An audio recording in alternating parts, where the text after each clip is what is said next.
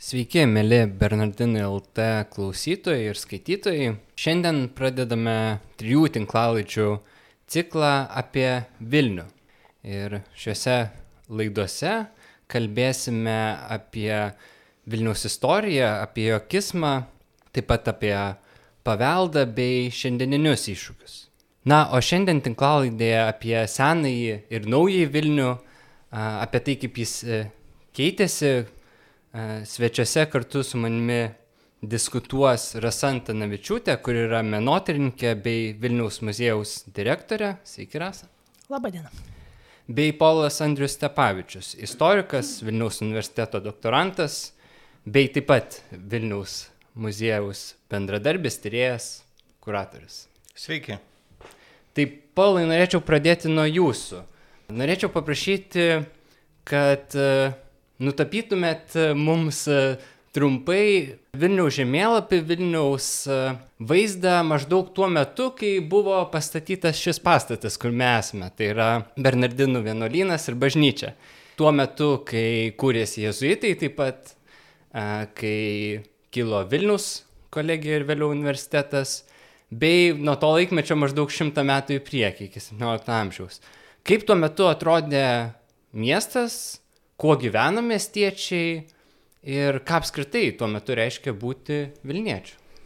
Taip, tai na, nutapyti, tai turbūt na, dauguma gal ir klausytojų žino, bandymas buvo vienas toksai parodyti, kaip Vilnius atrodė, tai tas vadinamasis Brauno atlase egzistuojantis vaizdas 16 amžiaus Vilnius, kiek jisai tenais realus, kiek fikcinis, tai čia galima ginčytis ir kalbėti, bet uh, tikrai, na, Vilnius ten pagražintas, tam tikrų elementų, kaip yra iš tiesų egzistuoja, bet jeigu žiūrėtume istorinius šaltinius, tai Vilnius, va, 16-17 amžius iš tiesų jau yra išsidėstęs viduje, ne, jis yra apjuostas tos vadinamosios Vilniaus gynybinės sienos pastatytom 16 amžiaus pradžioje. Tai iš tiesų nuo, nuo katedros dabartinės, nuo katedros aikštės, nuo, nuo, nuo Neries upės iki, iki Pylimo gatvės ir, ir, ir visi tie, va, Pylimo gatvė, Liejyklos gatvė, va, šitos visos apribojančios teritorijos ir sudaro tą Vilniaus miestą. Bet taip pat tuo metu Vilnius turi priemešius pirmuosius, ne, tai ir Šnipiškių priemestis, ir Užupis egzistuoja. Tik tai nereikia įsivaizduoti, kad ten ir dabartinė kokia Lūkiška aikštė buvo, ne, na, ten Jurgio bažnyčia tik tai pastatyta 16 amžiuje ir paskui jinai perstatoma. Bet miestas toksai koncentruotas, lokalizuotas, pagaliau 16, 16 amžiuje susiformuoja toksai vientisas miestas, kurį prieš tai, jeigu dar nusikeltume atgal šimtų, šiek tiek daugiau metų, sudarė keli skirtingi centrai. Tai vienas pirmasis Vilniaus centras tai yra nu, dabartinė Gedimino pilis, kalnas jos, šlaitas arba katedros aikštė, va tos teritorijos, taip pat šalia buvęs ir na, trijų kryžių tas kalnas ir ten buvęs miestas, bet ten dar senesnė istorija. O paskui besiformuojantis Rusėnų miestas, čia visai netoli, kur mes dabar esame ir kalbam, tai Latako ir Bokšto gatvėjo apylinkės.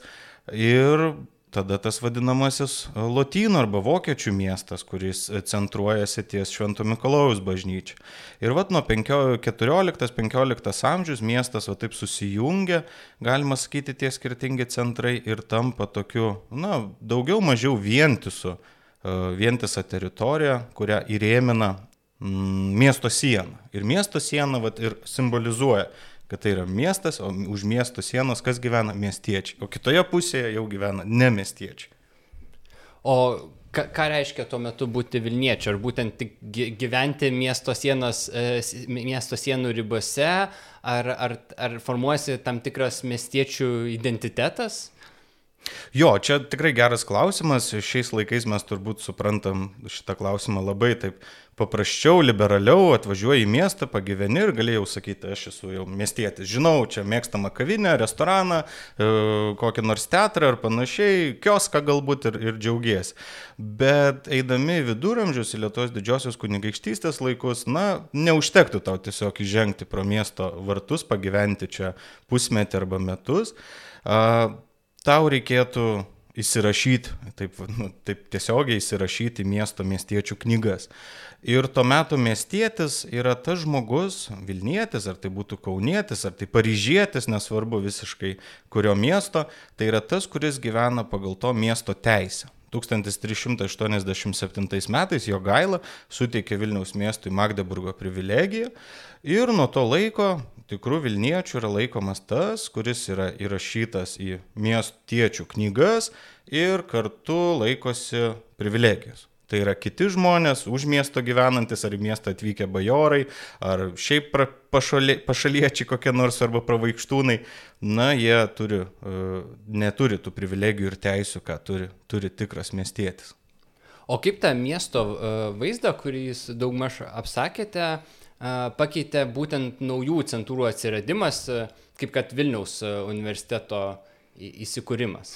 Taip, ir vat, kaip aš minėjau pradžioje, kad tas jau miestas toksai vientisas darosi ir jisai išsidėstęs yra tarp, tarp Vilniaus sienų, na, reikėtų ir save pasitaisyti čia iš karto, bet jeigu žiūrėtume giliau, tai miestas nėra toksai kaip dabar vienalytis. Mes dabar suprantame, esame Vilniaus miesto savivaldybės jurisdikoje tokie, esame miesto valdžioje, visur čia siekia savivaldybė, kur yra miesto savivaldybė. Bet e, amžiuje ir atsiradus ir universitetui, ir taip pat čia esant Vilniaus, e, Vilniaus vyskupo sostui, ir esant e, taip pat valdovo piliai čia, egzistuoja mieste daug labai vadinamų jurisdikcijų. Tai yra jurisdikcijos arba jurisdikos kartais vadinamos tokios ganėtinai nu, šio laikiškais terminais pasakyti, autonomiškos miesto dalis, kurios e, priklauso tam tikrai, tam tikrai na, valdymo sferai. Tai pavyzdžiui, Vilniaus miesto jurisdika, tai vieta, kurioje galioja Magdeburgo privilegija, kurioje visą valdžią turi Vilniaus miesto magistratas, na, šio laikinė savivaldybė. Bet taip pat egzistuoja ir Vilniaus miesto pilininko jurisdikcija, kurioje gyvenantys žmonės paklūsta Vilniaus pilininkui. Taip pat priklauso Vilniaus, e, tai yra katedros kapitulos jurisdikcija, kurioje gyventojai priklauso katedros kapitulos visiem, visom direktyvom, taip pat stačiatikių egzistuoja. Na, o įsikūrus universitetui, kas įdomu, dar vienas centras, tai atsiranda ir Vilniaus universiteto jurisdikcija kurioje, na, studentai gyvena ir gyvena labai tokį įdomų gyvenimą. Na, šių, šių laikų gal Vilniaus universiteto rektorius gal ir norėtų tiek galių turėti, kiek, kiek senojo universiteto, bet iš tiesų visi universiteto studentai yra paklusnus Vilniaus universiteto jurisdikai, na arba akademijai, čia sinonimiškai galima vartoti šiais laikais. Ir iš tiesų juos baudžia rektorius, pavyzdžiui, ir universiteto bendruomenė, jie turi ten elgesio taisyklių laikytis ir, ir panašiai. O tai miesto reikėjo jiems irgi laikytis taisyklių, ar jau tik universiteto? Na, čia yra tokia sudėtinga, sudėtinga problema ir visoje Europoje su visais universitetais yra šita didelė problema, nes e, neretai studentai yra suvokiami kaip, na, pašaliečiai nes jiems galioja kitos taisyklės, tai šiuo atveju universiteto taisyklės ir miestiečiai neretai pyksta ant jų, kad, nu, mes tai vad gyvenam su šitom, kodėl jūs negyvenat su tom ir jūs savo daugiau leidžiate tenais, ne, ir panašiai. Ir aišku, didžiausi pykčiai yra tai, į kurį teismą nuvesti. Nes, va, pavyzdžiui, yra problema su žmonėmis, kurie gyvena ten kapitulos jurisdikcijoje. Tai kurį teismą čia vest? Kapitulos teismą ar į miesto teismą? Bet vėliau šiek tiek tos jurisdikos persidengia ir, ir, jau, ir jau šiek tiek paprasčiau gyventojams pasidaro. Bet čia tokia įdomybė ir va, dabar reikėtų mums įsivaizduoti, ne, va, studentas kam nors langą iškula ir sprendžiam visi va, ilgą laiką. Tai kur čia dabar man išsiaiškinti šitą problemą. Tai aš dėl to šitą tai toks, kaip čia sakyti, toks panoraminis vaizdinys, bet vat, būtent tas centrų klausimas, daug centrų Vilniaus mieste, daug. Ir jų išliks daug iki pat 18 amžiaus.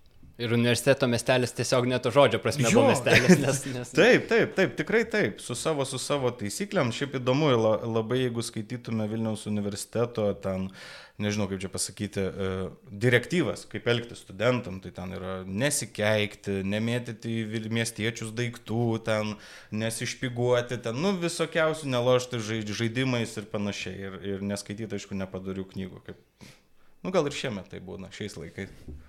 O kaip e, tą, tą Vilnių, apie kurį dabar kalbame, kaip jį patyrė atsikraustę svetim šaliai? Kaip, mhm. kaip jisai atrodė žmonėm iš šono, Vat, pavyzdžiui, kad ir tiem patiem jezuitam, nelietuviam ar, ar kitiem užklydėliam? Tai jo, pirmas tas jėzuitas atvyksta į Vilnių 1555 metais iš Italijos. Nu, tai reikia įsivaizduoti, jis atvyksta spalio mėnesį. Nu, tai jau turbūt suprantama, ne, tai jam baisiai čia šalta, neįdomu ir, aišku, baisu jam čia iš kažkokį užkampį važiuoti. Jisai net e, kažkaip taip išsireiškia, kad vyksta pas tikrus barbarus į, į pasaulio kraštą.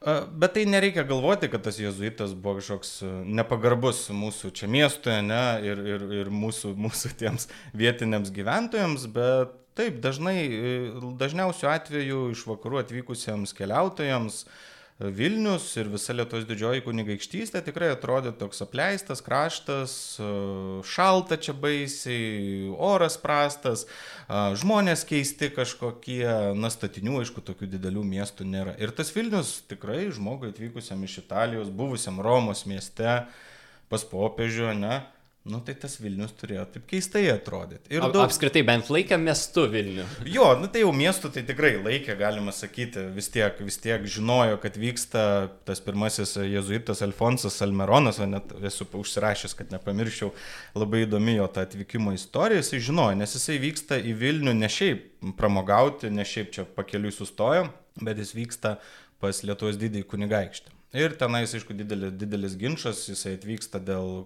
reformacijos grėsmės. Na, tuo metu ten, kad, kad katalikiškam pasauliu iškilusi reformacijos grėsmė, na ir tokie diplomatiniai santykiai. Bet nors, nors, nors ir taip gal to pirmo jezuito atvykusio įspūdžiai, tokie, kaip čia pasakytume, neįgiami, Bet ne, tai netrukdo po 14 metų atvykti dar daugiau jezuitų, po truputį įsikūrė jau jie Lietuvoje, 70, 1570 įkūrėma jezuitų tokia kolegija, na, po 9 metų jau ir universitetas ir jie gyvena.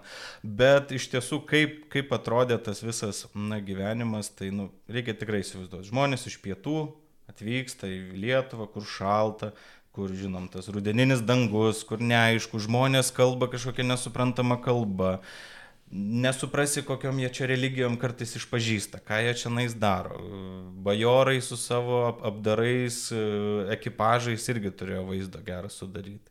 Tai tas prašalaičiui miestas atrodė keistas. O dar toks, užbaigiant šitą temą, tai 18 amžiuje net buvo, yra labai įdomus išlikęs, skaitytojams galima parekomenduoti, Liudvikos Biševskos 1786, jeigu gerai atsimenu, metų kelionės dienoraštis, jinai iš Varšuvos atvyko į Vilnių, tai jai čia buvo, o jie argu už kai šalygatvį nesutvarkyti. Na, daug šiaip šio dieninių galima aktualijų pamatyti. Nes šalygatvį nesu, nesutvarkyti. Miestas gražus yra sena architektūra, bet daug medinių pastatų, daug problemų ir panašiai. Nu, tai toks tas miestas mūsų. O šiaip kalbant apie atvykėlius arba svetimšalius, tik, e, tiksliau tariant, tai jų buvo būtent ne, ne tik iš šono atvykstančių, bet ir, bet ir Vilnių gyvenančių. Kaip e, atrodė miestas e, būtent e, iš tos tautinės perspektyvos, koks tai miestas buvo, nes na, mes jau su Rasa kalbėsim šiek tiek apie vėlesnius laikus, kiek, kiek čia gyveno Lenkų, Lietuvių ir kitų, o kaip va, tuo metu 16-17 amžiui kas tai per miestas buvo iš tautinės perspektyvos. Ir kokios kalbos gatvėse. Ir kokios kalbos buvo. Jo, apie kalbas tai tikrai, na, Daug čia, aišku, tų žmonių reikia turėti omeny. Vilnius kaip sostinė, Lietuvos didžiosios kunigaikštystės sostinė, natūraliai traukia nu visokio plauko žmonės. Ir aišku, tų kultūrų arba tautybių, na, bet aišku, tautybės reikia suprasti ne XIX amžiaus prasme, bet, na, čia taip, kad susikalbėtume, bet tokių tautybių prasme, kultūrų labai daug. Tai turime ir katalikus, paskui išsiskiria protestantai, taip pat stačiatikiai egzistuoja, taip pat e, žydai, judaizmo išpažinėjai, taip pat karai, totoriai, tai yra vėliau karaimai atvyksta. Aišku, čia aš taip konfesiją sakau, bet tuo metu reikia suprasti, kad neretai konfesija įrodė, nu, kuriai tu kultūrai priklausai. Bet Vilniuje taip pat yra daug na, katalikų, ar tai protestantų būtų, na, iš Olandijos atvyksta pirkliai visokiausi, Prancūzijos, Italijos, iš įvairiausių vakarų kraštų. kraštų. Tai tas toksai, na, tikras sostinė, gyventojų sudėtim tikra sostinė su įvairiausiais poreikiais, kuriuos bando atliepti miestas, tai aišku, statydamas maldos namus, pavyzdžiui, kaip pavyzdys, o, na, aišku, pirkliai tai jau daugiausiai ten gal pirklių poreikius savo bandė, bandė įgyvendinti. Iš to, ką sakote, jeigu gerai suprantu, nepaisant to, kad e, lyginant su didžiaisiais miestais Vilnius tarsi buvo toks e, mažas ir, ir, ir su neišgristom gatvėm, bet na, nebuvo jis visai skirtas nuo europinio miestų tinklo, jeigu kalbame apie izutus, kalbame apie universitetą ir svarbiausia, ką paminėjau, dabar kalbame apie pirklius, ne, ne tik iš vienos kitos šalies, bet, bet ir iš visos Europos. Taip, tikrai, tikrai miesto tikrai negalime laikyti kažkokiu izoliuotu nuo, nuo Europos, nuo visos Europos ir keliauja visokie, ir kai kurie net Olandai atvyksta ir čia apsigyvena, škotai vienas kitas galbūt apsigyvena. Visoje Lietuvos didžiosios kunigaikštystės istorijoje mes miestuose matome. Na, Kauno pavyzdys, jie iš viso turėjo tokį Hanzos priekybinę kontorą, Hanzos sąjungos, tai vad kaip pavyzdys. Bet miestai tuo ir, tuo ir žavus, jie traukia visokio plauko žmonės iš įvairių kultūrų ir Vilnius tikrai nėra toksai, e, kaip čia sakyti, tikrai nėra izoliuotas ir tikrai, nu, aišku, čia klausimas, ar patrauklus labai ar ne, tai čia būtų galima diskutuoti, bet kad visokių žmonių atvyksta dėl visokių poreikių, tai tikrai taip. Tie miestiečiai, tai jie LDK tiesiog piliečiai, ar ne? Jo. Nes tu tai, kalbi daugiau mm. apie atvykėlius, iš kur jie atvyksta, bet tie, kurie čia sėsliai gyvena. Jo, tai, tai kas taip, taip, jie tokie? Taip. Lenkai, rusai. jo, tai paprastai jo, tiesa, nu jo, čia, čia aš norėjau tada pasakyti, bet nudreifavo mintis toliau. Tai jo, vietiniai gyventojai, kurie tai ne, ne imigrantai, ne, ne atvykėliai, tai tikrai yra kas. Rusienai vadinamieji, Lenkai, nu ir lietuviai mūsų. Ir, ir tos kalbos aki, at, at, at, tą akivaizdžiai parodo, na ir visa dokumentacija, aišku, miesto jau nuo 17 amžiaus, 16 amžiaus, Lenkų kalba, Lotynų Lenkų kalba, Rusienų kalba, na, bet ir galima gatvėje išgirsti ir lietuvių kalbos. Čia teko vienam tokiam šaltinį smagiam paskaityti, kaip Savičiaus gatvėje, vat visai netoli nuo mūsų, nu ten dabar aš nežinau, ar penktadienio vakaras, bet nu kažkuris savaitės vakaras e, ir į tą gatvę įsiveržė toksai biški, nu kaip čia, apgirtęs e, ka, ka, ka, kariuomenės kapitonas. Nu ir jis tenais biški pasišvaisto kumščiais, kaip dažniausiai būna, ir paskui klausinėjo teismo pareigūnai, na, kas girdėjot, kas matėt, kas čia buvo per įvykis. Ir vienas tenai žmogus sako, aš nieko negirdėjau, užsidaręs duris, langus, langinę skaičiau Bibliją, pasislėpiau. Kitas sako, aš baisu man buvo, nieko nemačiau, nieko negirdėjau, nieko nežinau. Nu, trečias žmogus sako, nu, girdėjau, buvo tenais. Ir girdėjau, kaip šaukė lietuviškai, mušk, mušk. Nu, tai tų kalbų visokiausių, aišku, yra. Ir, ir, bet aišku, dominuoja Lenkų, bet taip pat ir vokiečių kalba, taip pat mes turime ir didelę liuteronų bendruomenę paskui suformavusią, na, liuteronų, taip pat ir reformatų, tai ir vokiečių kalba taip pat. Tarptų, va, lietuvių, lenkų, vokiečių, rusienų, jidiš kalba, jo, jidiš kalba, va tokios būtų pagrindinis. Latinų jezuitai ne, neatsineša į... Atsineša, atsineša, aišku, bet, bet jo, latinų tai tikrai visa raštvedyba paplitusi latinų, testamentai irgi latiniškai surašomi, ten paskui keičiasi tos kalbos. Tai vad, latinų tikrai irgi galima priskirti. Tai vad, multi, ne tik multikultūrinis, bet ir multilingvistinis miestas. Mes dabar kalbam apie, na šiaip ar taip, tokį klestinti Vilnių, bet, bet visi dar iš mokyklos pamenam Tvano laikotarpį, ne, vadinamai, kai užpuola Vilnių visi, pradedant marais, baigiant, baigiant švedais. Ir kalbant būtent apie tą laikotarpį, kai Vilniui tikrai buvo iškilus grėsmė. Dabar mes žinom, kad galiausiai Vilnius, taip sakant, liko Vilniumi, bet ar galėjo tai būti, kad Vilniaus kaip miesto svarbaus centro nebeliktų? Nu, čia geras klausimas. Visą laiką mm, istorikai gauna tokių klausimų. Ir kas būtų, jeigu būtų, ne, iš to stiliaus. Čia, čia šalia šito klausimo visą laiką stoja į, į pirmą vietą. Pavyzdžiui, kas būtų, jeigu būtume pralaimėję žalgerio mūšį. Ne, nu, vad kas būtų. Įdomu, žmonės mąsto tenais. Jeigu Vytautas būtų karūnuotas, čia mėgstamiausias. Taip, kas būtų, jeigu Vytautas būtų karūnuotas. Arba jeigu Vytautas turėjęs būtų berniuką vaiką, o ne mergaitę. Nu, čia tokie pavyzdžiai. Bet su tvanu tai tikrai irgi įdomu pasvarstyti. Aišku, čia yra tik tai mano svarstymai, tai su, su alternatyviaja istorija yra e, sudėtingiausia tas, kad kiek žmonių, tiek ir svarstymų gali būti. Bet rodosi, kad, na, tas šansas, kad Vilnius net nebūtų išlaisvintas, čia kaip taip moderniai gal skamba, nebūtų, nebūtų susigražinę, abiejų tautų Respublikos kariai ir, ir visa valstybė, na, bu, buvo labai mažas, nes e, Maskvienų kariuomenė ten šiek tiek klaidingų tokių žingsnių padarė karo metu gavo į kaulus nemenkai, na ir Vilnių reikėjo, e, reikėjo atsimti ir atsijėmė. Galima tikrai e, gal klausti, nu, šitą klausimą šiek tiek pasukti į tą pusę, kad kas būtų, jeigu Vilnius nebūtų atsistatęs. Na, mes jį Būtent gavome. Maras, na, jo, karo, taip, karo, taip, vat, karo, prieš, karo metu, tu, vat, ir prieš karą jau plintant žiniai, kad Lietuvos didžiosios kunigaikštystės teritorijas išveržė Maskvienai, jau pradėjo Vilniečiai bėgti iš miesto pradėjo slėpti turtus, kasė po žemę, užkalinėjo ten įvairias langinės, slėpė kur tik įmanoma, vis, visokiausių turtų, nuo asmeninių iki bažnytinių. Na ir pradėjo bėgti. 655 m. rūpiučio 8 diena Maskvienai pasirodo mieste, ir kas nespėjo pabėgti, liko. Po, po kelių metų kyla Maro epidemija, sumažina menk ir tai jau sumažėjusio miesto, miesto miesto gyventojų skaičių. Na, o paskui, aišku, jau e, išsivadavus miestui grįžta po truputį tie miestiečiai. Tai vad kas būtų, jeigu jie nebūtų grįžę arba būtų grįžę mažesniu, mažesniu, e, nežinau, tokiu mažesniu kiekiu, arba kas būtų, jeigu netyčia būtų sugalvoję Lietuvos didžiosios kunigaikštystės e, politikai, kad, nu, gal tą sostinę reikia kitur perkeisti.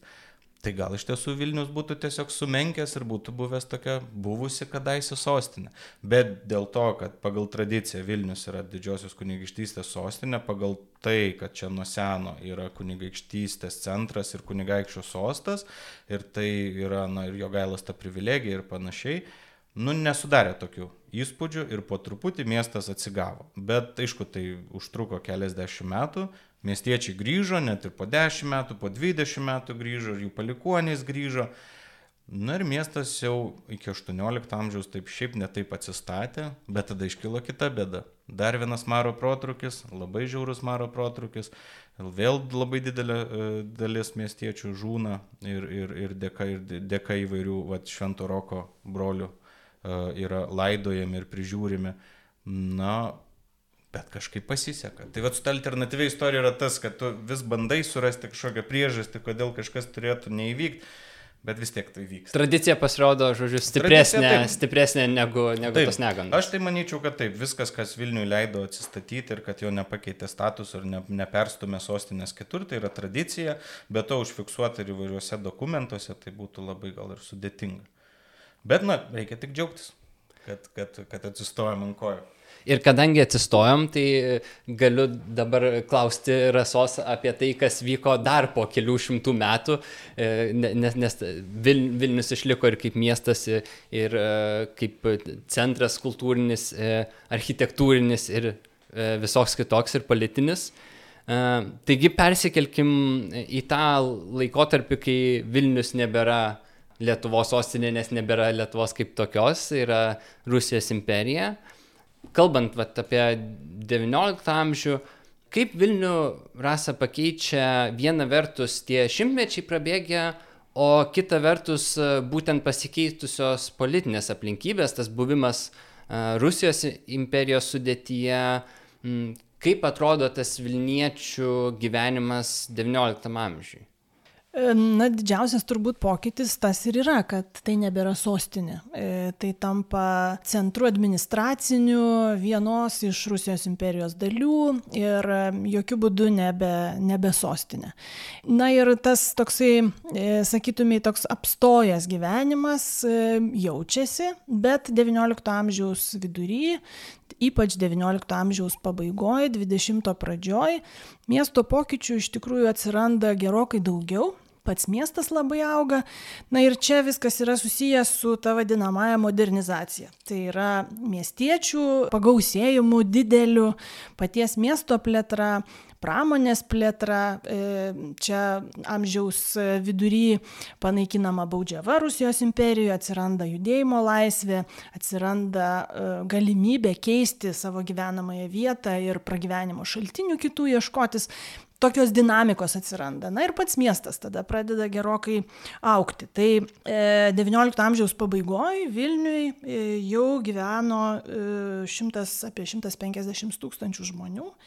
Ir e, tiesą sakant, tai buvo dvigubai didesnis miestas už Kauną, e, bet gerokai mažesnis už Rygą, du kart mažesnis už Rygą ir ten be ne šešis kartus mažesnis už Varšuvą, kad taip įsivaizduot mastelį. Na ir administracinis centras šiaurės vakarų krašto, o gyventojų to sudėties, kadangi jau dabar jau galime kalbėti apie e, tautybės, e, tiesa, Rusijos imperijoje tos tautybės vis dar buvo labiau e, apsprendžiamos e, tikėjimo ir kalbos, kokią kalbą žmonės kalbėjo. Tai 40 procentų Vilniaus gyventojų pagal 97, čia 1897 metų surašymą, 40 procentų gyventojų buvo žydai, E, judėjai 31 maždaug procentas Lenkai, apie 20 procentų rusų, na ir tada visi kiti lietuvių pagal to metinius surašymus buvo apie 2 procentus. Tie surašymų duomenys yra ginčytini, tikriausiai galima sakyti, kad jie buvo ir tendencingi, lygiai taip pat ir tarpukario surašymo duomenys, bet vis dėlto e, pagrindinės tendencijas jie tikrai atspindi, kad praktiškai panašus skaičius e, žydų ir lenkų mieste, rusų apie 20 procentų procentų, o tada visi kiti, tarp kurių ir lietuviai. Mes e, klausėm ir žiūrėjom Vilnių, kaip jis atrodo Europos kontekste. Dabar įdomu tuo laikotarpiu, kaip Vilnius būdamas e, imperijos sudėtė atrodo kitų uh, Rusijos imperijos miestų atžvilgių, būtent kaip jisai vystosi, ar tai, ar tai buvo modernus miestas, kalbant ne tiek vat, apie dydį, kaip jūs lyginat su Riga ar Varšuva, bet, bet būtent tas vystimasis, ar tai buvo kažkoks e, imperijos, sakykime, flagmanas vystimosi kaip miestas, ar, ar, ar veikiau kaip tik e, pakraštys? Na, tikrai nepasakytumai, kad flagmanas e, šiek tiek įtakojo miesto vystimasi ir tas permainas tai, kad tai buvo vakarinis imperijos pakraštys, susijęs su um, vakarų kaiminėmis ir tas ryšys jis išliko, tai e, įtako, įtakos buvo juntamos ir Vilniuje. Tačiau e, įvairūs politiniai slopinimai, apribojimai, sakykime, vietinių žemvaldžių ir, ir viso kito ten, ta prasme, buvo e, po, ypač po sukilimų vis e, su, sustiprėdavo ta politinės represijos ir tai iš tiesų trukdė krašto laisvam vystimusi ir tą, tą buvo galima justi. Na ir Vilnius nėra uostas, tai jeigu va, paminėjau Rygą, e, tai vėl visai kitokia padėtis, nes tai yra aktyvus didelis uostas ir, ir tas vystimasis e, Rygoje buvo gerokai dinamiškesnis, ankstesnis ir panašiai. Bet e, vis dėlto, na, neaplenkė tos tendencijos ir 20-ojo amžiaus pradžioje iš tikrųjų tas, e, tas e, toksai, na, labai sparti plėtra tikrai mieste jautėsi. O žvelgiant būtent į patį miestą, į jo vidų, kur va, 19 amžiaus antroje pusėje, keliaujant link 20 amžiaus, kur vyko tas gyvenimas, kur miestiečiai būriuojasi, būriavosi, ap, aplinka sukosi, taip sakant, kasdienis miestiečių gyvenimas. Jo, tai jeigu mes imtumėm tą vat, visą vėlyvą Rusijos imperijos laikotarpį, 19 amžiaus pabaigą, 20 pradžią, tai tuo metu, kaip tik miestui plečiantis, e, imtas buvo kryptingai plėtoti naujas miesto centras, nuo katedros aikštės iki žvėryno tilto, tai yra tuometinis Švento Jurgio prospektas suformuojamas ir, ir kuriamas. Ten e, buvo įsteigtos e, pastatyti namai svarbioms imperijos įstaigoms, teismų rūmai, bankas valstybinis ir panašiai. Na ir tokia yra tarsi kryptis vat, e, link tenai. Ir sakytumai, centras pasislinkti turėjo į katedros aikštę galbūt, kuri jau jungia senąjį centrą, tai jau čia nebe povilo laikų, truputį vėlesnių, e, tai yra Rotušės aikštė Vokiečių gatvė. E, ir tą kitą naująjį imperinį centrą, e, kuris greičiausiai buvo aplink Kudirkos dabartinę aikštę. Bet paraleliai visiškai sėkmingai egzistavo tas senasis centras ir kaip supratau iš tekstų, iš prisiminimų, iš turistinių vadovų, dar 1908 metais netgi miesto dūma e, svarstė tokį elektrinio tramvajaus projektą, jo maršrutus, kur čia jie turėtų keliauti ir buvo sakoma, kad atokesni miesto rajonai turėtų būti sujungti su miesto centru, Tai yra Rotušės aikštė ir Vokiečių gatvė. tai žodžiu, sėkmingai egzistavo tas senasis centras, aplink kurį būrėsi ir visų tų Vilniaus konfesijų pagrindiniai maldos namai, ir priekyba, ir, ir taip toliau. Tai... Žodžiu, ir tuo metu tramvajus buvo rinkimų. Klausimas. Taip, taip, tramvajus aktualus visą laiką. O, o, o kaip būtent tuo metu architektūriškai vystėsi miestas? Kaip keitėsi jo vaizdas būtent žvelgiant į, į architektūrą? Iš tiesų galima, na, taip įprasta yra kalbėti apie rusinimą, ar ne, ir čia to ir, ir urbanistinės erdvės, miesto erdvės rusinimą, ir kultūros ir panašiai, bet iš tiesų Vilniaus atveju nugalėjo kosmopolitinės mados ir statoma buvo vadovaujantis įvairiais vakarietiškais stiliais. Tai tiesiog užsakovas galėdavo pasirinkti, ar jis norėtų e, ten kokio nors klasicistinio, ar neorenesansinio pastato, ar neogotikinio. Visa tai buvo XIX amžiuje apyvartų ir ne tik Vilniui, ne tik Rusijos imperijoje, bet ir kitur vakarų Europoje. Tai dauguma tų pastatų, kurių daug labai atsirado, iš tiesų galim galvoti apie e, geležinkelio stoties rajoną, ar ne, nes e, geležinkeliai traukiniai atvažiuoja į Vilnių 1863-aisiais. Tai visas tas rajonas pasistato Švento Jurgio prospektas. Na ir tie tokie vat, didesnio mastelio pastatai atsiranda tuo met, bet jie iš tiesų nėra nei rusiški, nei ten labai kažkokie ideologiškai apkrauti, įkrauti, e, nes realiai ir patys užsakovai galvoja daugiausia apie savo verslus, apie savo įvaizdį, labai dažnai nebuvo lojalūs Rusijos imperijai, tai buvo privatus žemvaldžiai, vystė savo verslus čia ir jiems labiau rūpėjo jų įvaizdis, jų modernumas modernus įvaizdis, negu ten parodyti kokį nors e, lojalumą valdžiai ar savo politinius įsitikinimus pademonstruoti savais pastatais. Tai e, tų ideologinių pastatų Vilniuje atsirado ir jie daugiausiai reiškėsi um, tokiu pavėluotų, sakytumėj, cerkvių statymu. Tai toks, e, grįžtant truputį vėl atgal, intensyviausias laikotarpis buvo po 63 metų sukilimo, kai buvo renovuojamos senosios cerkvės, e, keliami kupolai ties vagūniniai, kai dabartinė Kazimiero bažnyčia buvo irgi jos fasadas pertvarkytas ir vietoj bokštų tokių tradicinių, na, kaip įprastų mums dabar barokinių, sukurti tie e, tokie stačiatikiški svogūnai ir panašiai. O amžiaus e, pabaigoje ir 20 amžiaus pradžioj E, buvo tada imtasi jau paženklinti tolimesnius, nebe Vilniaus centro rajonus, e, tomis stačiatikių cerkvėmis. Tai, sakykime, Žverino cerkvė, Naujameščio cerkvė, tokia pati paskutinės toks ženklas, na ir tokio politinio ženklinimo miesto viešos erdvės stačiatikiškais ženklais. Tai buvo ta vadinama Romanovų cerkvė Basanavičiaus gatvės viršuje, pastatyta 1913 metais Romanovų dinastijos jubiliejaus proga. Bet paraleliai vėlgi po penktų metų, po 1905 metų revoliucijos atsirado galimybė ir kitų tikėjimų, kitų tautybių žmonėms statyti savo maldos namus. Tai aišku, centre e, niekas to negalėjo toleruoti, bet tuo metu pradėta statyti Žverino katalikų bažnyčia, tuo metu buvo pastatyta choralinė sinagoga, Pilimo gatvėje išlikusi, e, Vivulskio garsioji bažnyčia, dabartinė Vivulskio gatvėje pradėta statyti ir panašiai. Tai žodžiu, tie maldos namų toksai, sakyčiau, bumas iš tikrųjų.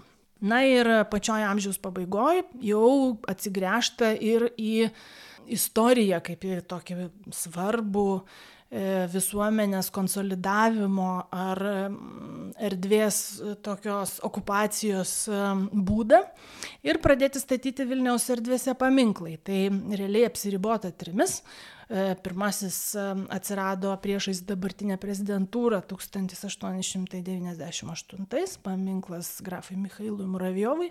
Antrasis buvo susijęs su Puškino šimtmečiu ir 1900-aisiais atsirado toks paminklinis biustas netoli katedros aikštės. Ir 1904 Jekaterinos antrosios paminklas katedros aikštėje. Ir kažkaip viskas tada aprimo. E, tai žodžiu, tarsi imperijos tas žvilgsnis e, nukrypo kitur ir dėmesys ir lėšos Vilniui nebe taip dosniai buvo skiriamos, nes atsirado problemų tolimuosiuose rytuose, ar ten interesų ir panašiai ir panašiai. Tai žodžiu, taip viskas tarsi planas buvo įgyvendintas. Beje, labai panašiai buvo ir po antro pasaulinio karo stalininiu laikotarpiu, kai buvo pastatyti trys paminklai ir nusiraminta. O žvelgiant į šitą e, laikotarpį, į tai, kas vyksta mieste tiek e, urbanistiniu požiūriu, tiek e, gyventojų skaičiumi, miesto, miesto plėtra, Ar galime sakyti, kad žmogus pradeda jaustis mažas mieste ir kad, kad miestas įgauna tokį didmešio bruožų, kai, kai, kai miestas nebėra apriepiamas žmogaus uh, kasdienėse veiklose, kuris praleidžia laiką, kai, kai, kai e, vykimas iš vieno miesto galo į kitą jau yra tam tikra kelionė. Mm, ar, ar tampa Vilnius didmešiu tuo metu? Manau, kad ne.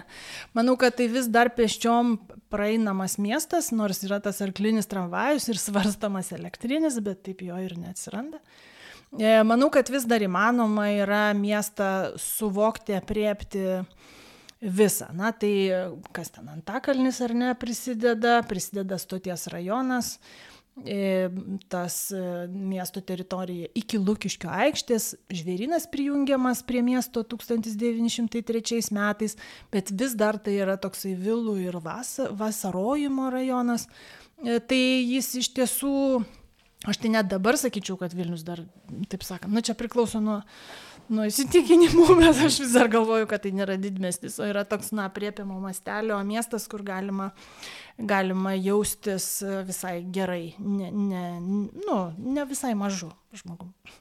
O kalbant apie miesto e, vystimasi, e, kaip tas vystimasis atsispindi žmonių būtyje. Ir aš šito klausiu nebereikalo skaitytojui, priminsiu kaip tik, e, kad šiuo metu dar vis vyksta uh, E, Vilniaus muziejuje paroda e, apie miesto technologijas, kaip tik XIX amžiaus e, pabaigoje ir XX amžiaus pradžioje. Taigi kokie pokyčiai įvyksta Vilniečių namuose, privačioje erdvėje? Čia vėl man parodos kuratorė kolegija Alita Ambrulevičiūtė neleis pameluot, kad Vilniečių namuose tai turbūt jokių ten ypatingų pokyčių nevyksta, nes paroda yra turbūt apie avangardą, apie tuos reiškinius, kurie pasirodo mieste pirmą kartą.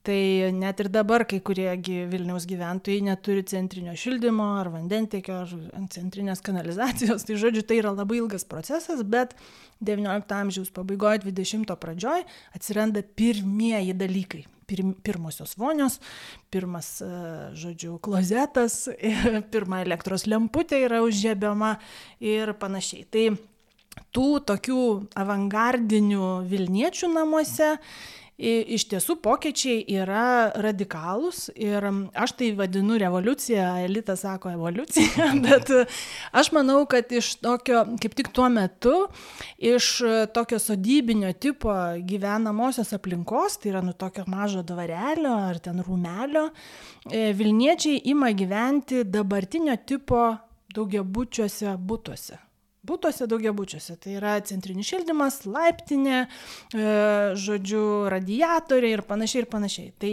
iš kaimo virsta miesto būstų tas Vilniečio apartamentas. Mhm. Ir tuo pačiu turbūt ta infrastruktūra yra bendra miesto ir tai taip pat jungia miestą, ne? Atsiranda kažkokios bendros miesto problemos, bendra kanalizacija, bendras šildymas, panašiai, panašiai. Būtent kaip jūs sakote, atrodo, kad e, tampa iš pavienių namų konglomerato tarsi vientisu, vientisu dariniu. Taip, tą. žinoma, tai kūrėsi e, miesto infrastruktūra ir elektros e, tinklo atžvilgių, ir kanalizacijos, ir vandentiekio. Tai žinoma taip, tik tiek, kad iki pirmo pasaulinio karo tai vis dar apima nedidelę dalį miesto. Ir tada tarpu kariu ir po antro pasaulinio karo tas tinklas gerokai plečiasi ir apjungia daugiau miesto dalių ir daugiau miestiečių turint omeny visą tai, ką mes taip e, tik paviršiumi, bet vis dėlto e, plačiai apžvelgėme, įdomu jūsų abiejų paklausti, atsižvelgiant į, į tuos laikotarpius, į, kuriuos e, tyrinėjate, kiek to meto miesto matote dabartinėme Vilniuje ir čia turiu minį ne tik vieną ar kitą pastatą ar panašiai, bet ir bendrą miesto identitetą, taip pat tam tikras charakteristikas. Mes kalbėjome ne apie kokie miestiečiai gyvena, koks čia katilas yra konfesijų, tautų ir panašiai, kiek svarbus tam tikri centrai, kaip kad universitetas ir taip toliau. Taip, Paulai pati pirmiausia kreipiuosi, kiek to 16-17 amžiaus Vilniaus matome šiandieninė Vilniuje? Na, gal 16, gal čia reikėtų praplėsti, gal iki 18. Gal iki jo, nes, nes kai pradedi ieškoti 16 amžiaus miesto Vilniuje, nu dabartinio, tai yra dabartiniam Vilniuje 16 amžiaus, tai mes čia visai neseniai su Rasa ieškojom, kaip tik kur rasti, va ir 14 amžiaus Vilnių, 15, na iš tiesų yra sunku. Tai gal 14 ten kažkokiuose požemėse galima surasti, ne jeigu pastatuose, bet daugiausiai, aišku, yra šie maldos namai ir įvairios įvaina, ir ten bažnyčios, cerkvės, cerkvės ir panašiai. Bet jeigu atsiribojant nuo to, tai Vilnių tikrai galima pažinti tuos LDK laikus, patirti, nu čia taip gal keistai nuskambėt, bet ir kojomis. Nemažai tų gatvių senamestėje vis tiek tas gatvių tinklas yra senas ir tikrai smagu tom siaurom gatvelėm prasėti ir tai įsivaizduoti. Gal pastatai aplinkui paaugo paaugo šiek tiek, ne, keliais aukštais, gal, gal tik vienu, ar ten langų daugiau išsimušė, ar kažkas kokią keistą vitriną įsistatė, bet gatvių tinklas iš tiesų yra senas Vilniuje ir tikrai galime 17 amžių. Taip pat gatvių pavadinimai, ta pati minėta Savičiaus gatvė, ne Pilies gatvė, egzistuoja ir egzistavo visą laiką, Vokiečių gatvė, tokie mums atrodo jau įaugę, bet tai yra seni pavadinimai, kur tikrai to Vilniaus galima rasti. A, taip pat nuo mūsų, mūsų čia tie tokie parkeliai savotiškai, ne, ar, ar, ar vienuolynų sodai. Ir juose galima išeiti, na, ir, nežinau, jeigu turite labai lakę vaizduoti, tai įsivaizduoti vienuolius ten dirbančius sodė, prižiūrinčius, ar, ar, ar panašiai. Na, aišku, dėja, dėja, didelė dalis to senojo Vilniaus yra sugriauta, viena iš vienos priežasties, kaip natūralus na, žmonių, žmonių gyvenimo vienoje vietoje išraiška, kad, na, keičiasi miestas, aišku, greunami pastatai, pastatomi nauji, performuojami formuojami kvartalai, bet aišku, liūdnesnė, liūdnesnė žinia daug senojo Vilniaus, aišku, buvo sunaikinta antro pasaulinio karo metu ir po antro pasaulinio karo metu, na ir po, po karo tai yra su, pavyzdžiui, ta didžioji Vilniaus sinagoga, kuri tikrai mums šiais laikais šviestų ir turbūt primintų, primintų įdomius, įdomius praeities laikus.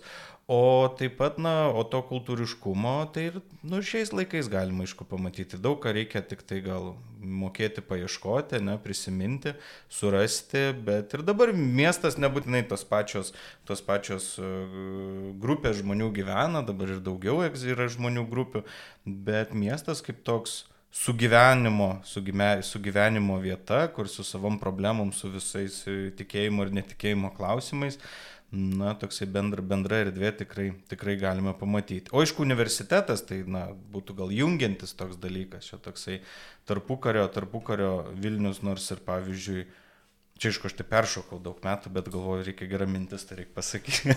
tai tarpukario Vilnius, nors gal ir kai kam galėtų atrodyti, kad, na, prarastas miestas, ne, toksai iš viso Lenkijos, Lenkijos tų kresų pakraštys, toksai irgi administracinis centras, bet tarpukariu, na, į miestą grįžta studentiškas gyvenimas, tai savotiška kultūra, ne, ir, ir, ir tą testinumą galime ir dabar matyti Vilnius, vat, studentų miestas ir, ir nu, džiaugtis, aišku, studentų miestelis yra saulėtekė, bet turime ir visą gyvenimą studentų išėjimą į miestą, pabuvimą, bendravimą, e, akcijas, atrakcijas ir, ir su visuo kitu. O dar taip pat miesto senų laikų tai galima pamatyti, pavyzdžiui, net ir kaziuko mūgiai. Kodėlgi ne? Jeigu jums nepatinka ten mediniai šaukštai ir podai, puikiai su tą suprantu. Bet šiaip įsivaizdavimas, kas yra miesto mūgė, miesto šventė, vat, vykstanti per Kazimiero, Švento Kazimiero dieną, nu tai galima pasijausti tokiu miestiečiu su kažkokiam tradicijom, tradicijom ir, ir, ir panašiai. O kaip jums, Rasa, iš, iš to va, 19 amžiaus, 20 amžiaus, kiek to Vilniaus um, matote dabar ir, na, ar išvelgiate kažkokią gyją, kuri leistų tiesiog at, atpažinti tą senąjį Vilnių? Tai man vis atrodo, kad Vilnius tuo ir unikalus, ir gal ne unikalus, bet įspūdingas tuo, kad e, daugelis tų istorinių sluoksnių jame matosi. Ir jeigu didžiuosiuose Europos miestuose miesto valdžia turėjo pakankamai lėšų, energijos ir laiko pertvarkyti tuos miestus, juos modernizuoti, ištiesinti gatves, bulvarus sukurti ir panašiai, tai Vilniuje tam visuomet trūko lėšų, laiko, per daug keitėsi politinės valdžios, kad būtų įmanoma tokias pertvarkas realizuoti. Ir iš tiesų matosi ir tas 14 amžius gatvių struktūra, ir matosi vėlesni laikai e, maldos namuose, ir 19 amžiaus ta Švento Jurgio tiesė ir e, stačiatikių maldos namai. Žodžiu, tie sluoksniai jie visi regimi. Kas mano manimu pasikeitė gerokai, tai yra, kad miestas tapo daug labiau homogeniškesnis tautybių, gyventojų tautybės atžvilgių. Tai nuo 85 metų e, daugiau negu pusė Vilniečių yra lietuviai. E, koks dabar procentas, tiesą sakant, nežinau, bet įdomu, man, mane, man padarė įspūdį tas faktas, kad iki 85 metų lietuvių čia buvo mažuma. O dabar tai esam dauguma ir na tų kitų tautybių yra e, gerokai, gerokai mažiau ir tų kultūrų gyvai besireiškiančių, net minties tų kultūrų buvusių, bet gyvai besireiškiančių yra tikrai, tikrai mažiau. Kalbu ir apie žydus, ir apie lenkus. Mhm. Tai šitas skirtumas, manau, yra labai akivaizdus ir, ir čia tokios pastangos sovietinių laikų, e, na, jų veiklos rezultatas. Žydų bendruomenės atžvilgių tada antro pasaulinio karo metai lemtingi ir tada pokaris e, lemtingas Lenkų bendruomenės atžvilgių. Na ir vat, tokios kryptingos pastangos davė pagaliau rezultatus, kad turim lietuvišką Vilnių. Na ir e, negaliu nepaklausyti jūsų kaip e, ir Vilniečių, ir kaip e, Vilniaus muziejaus atstovų, na, ką reiškia jum šis miestas, ką jum patiems asmeniškai reiškia būti Vilniečiu? Nu, čia labai toksai sunkus klausimas, bet Bet nežinau, buvimas to Vilniečių turi tą tokią, nu bent jau man nežinau, gal, gal dėl to, kad ir tenka daug skaityti ir domėtis, ir domėtis, kaip kiti atsimena miestą ir panašiai, tai man tas Vilnius toksai, nu brangus, brangus, to, brangi tokia vieta, bet, bet veikiausiai apart tos nostalgijos grožio, romantikos ir viso ko, Nu tai aišku, ta vieta, kur tu vaikystę praleidai, ne, tai yra labai smagu prisiminti, prisiminti nors ir vietas, kur tu vaikščiai kaip vaikas, ar tai būtų senamestis, kai ten močiutė kažkur nuveda ten parodyti, ne kažkokių vietų, ir tu paskui jau suaugęs, eini su reikalais, pilna galva reikalų, skambučiai ir panašiai, bet tau tą vis tiek tokį vieną momentą blykstelė toj pasąmonį, kad, nu, buvau čia vaikas, vat, nu, buvo faina, buvo kavinė, tenais geriau už tokio padelio su dviem maselėm, labai smagu. Tai toksai miestas prisiminimų, tu pirmų kartų miestas, aišku, nu, gimtasis miestas visą laiką, visą laiką gražu, visą laiką smagu prisiminti. Bet, na, aš nežinau, čia dabar vat, pasakiau, būdamas 29, įdomu, kaip po kokių 30 metų galvosi, ne, tai čia tas santykis su miestu gali būti ir konfliktiškas, gali mylėti, nekest ir panašiai, bet Bet aš laikausi tokios pozicijos, kad tas miestas, na, tavo pirmas miestas, tai lydi tave visą turbūt laiką ir tu visur ieškai ir galiausiai lygini. Toksai man pavyzdys irgi iš asmeninės istorijos, tai visą laiką, kai važiuoji kažkur, vat, vidurio rytų Europos, kokią miestą, eini kokią gatvelę, nu, čia kaip Vilniuje, nu, čia vat kaip Vilniuje, nu, čia kažkas, vat, ir, nu, aišku, tavo distancija, tu taip supranti miestą ir panašiai. Tai myliu aš tą Vilnių ir viskas. Tai Povilas čia daug turbūt ką pasakė, ką turbūt dauguma Vilniečių pasakytų. Bet e, aš tai galvoju, kad vienas žodis, nu tai yra namai. Ir, ir tas nam, namų e, savoka, aš tai nemanau, kad ten jis kažkoks yra svarbesnis ir įdomesnis už Paryžių ar Londoną. Bet mūsų miestas, na ir mūsų buvimo gyvenimo vieta, tai, tai dėl to ir įdomus ir dėl to ir brangus.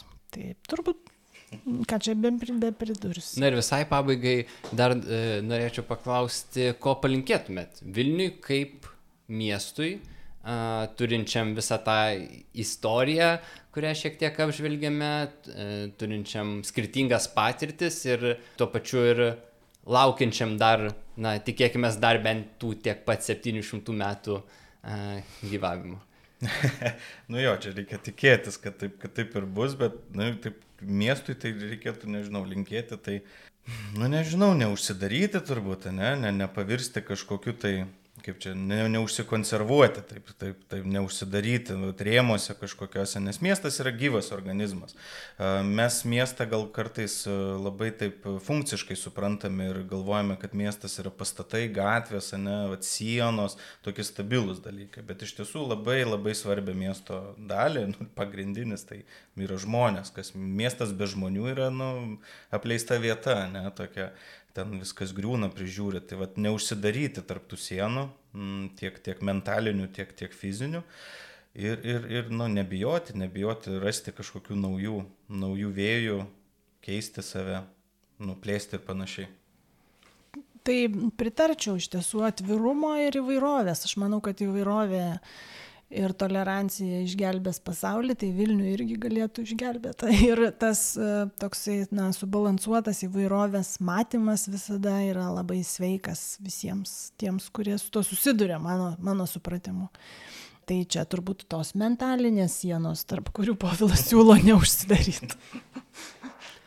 Tai noriu Jums e, abiems e, labai padėkoti už šią trumpą, bet, bet tuo pačiu ir ilgą ir išsame kelionę po e, Vilnių.